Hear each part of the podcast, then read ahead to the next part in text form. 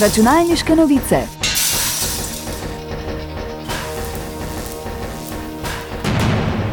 Prisluhnite novostim in zanimivostim z področja računalništva.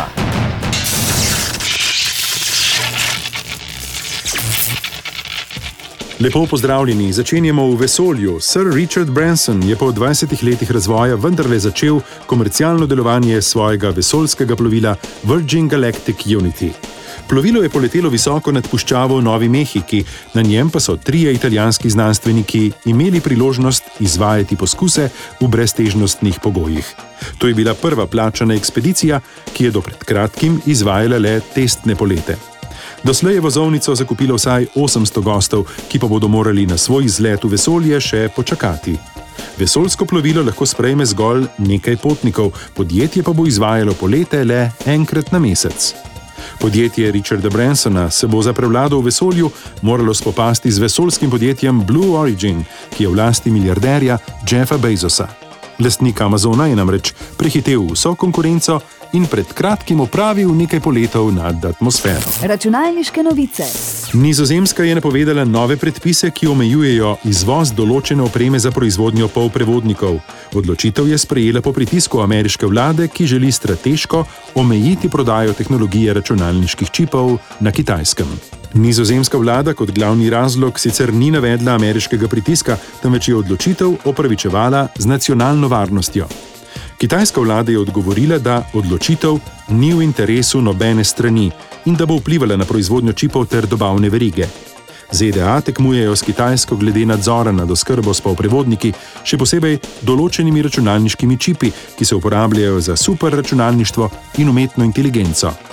To vrstni čipi so glavni del več kot 500 milijard vredne industrije, ki naj bi se do leta 2030 podvojila. Strokovnjaki so enotnega mnenja, da bo tisti, ki bo vladal na tem trgu, imel ključ do neprimerljive prevlade. Računalniške novice. Ustvarjalec videoigre Pokémon Go Niantic pravi, da bo svojo delovno silo oklestil za četrtino, saj se igralna industrija sooča z upočasnitvijo povpraševanja. Podjetje bo prav tako zaprlo svoj studio v Los Angelesu in ukinilo dve igri. Sporočili so, da so se stroški razvoja in vzdrževanja iger povečali hitreje kot prihodki. Pokémon Go je ob izidu leta 2016 nizal rekorde. Takrat je Apple izjavil, da je igra zaslužila toliko kot vse ostale mobilne igre skupaj. Niantic je še naprej zavezan k ohranjanju kakovosti svojega največjega zaslužkarja.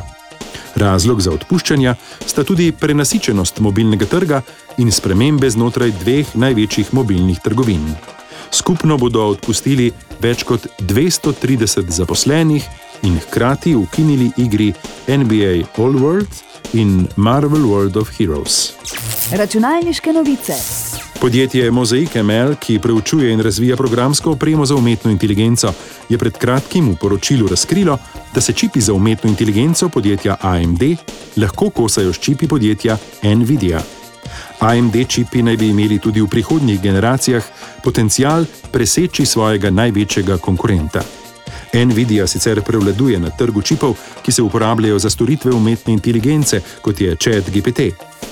Priljubljenost umetne inteligence je pripomogla k temu, da je vrednost Nvidia močno poskočila. Hkrati je tudi povzročila nov primankljaj tovrstnih čipov, ki ga Nvidia aktivno odpravlja. V tem času pa tehnološka podjetja iščejo enakovredno alternativo, kjer največ stavijo na podjetje AMD. Podjetje Mosaic ML je opravilo obsežno raziskavo, v kateri je primerjalo čipe obeh podjetij. Čeprav se je Nvidia bolje odrezala po strojni plati, je AMD zaostanek nadoknadil z odlično programsko optimizacijo. Računalniške novice. Toliko za danes, hvala za pozornost in nasvidenje prihodnič. Novosti in zanimivosti je za vas pripravilo uredništvo revije Računalniške novice. Prisluhnete nam lahko ponovno naslednji teden ob istem času.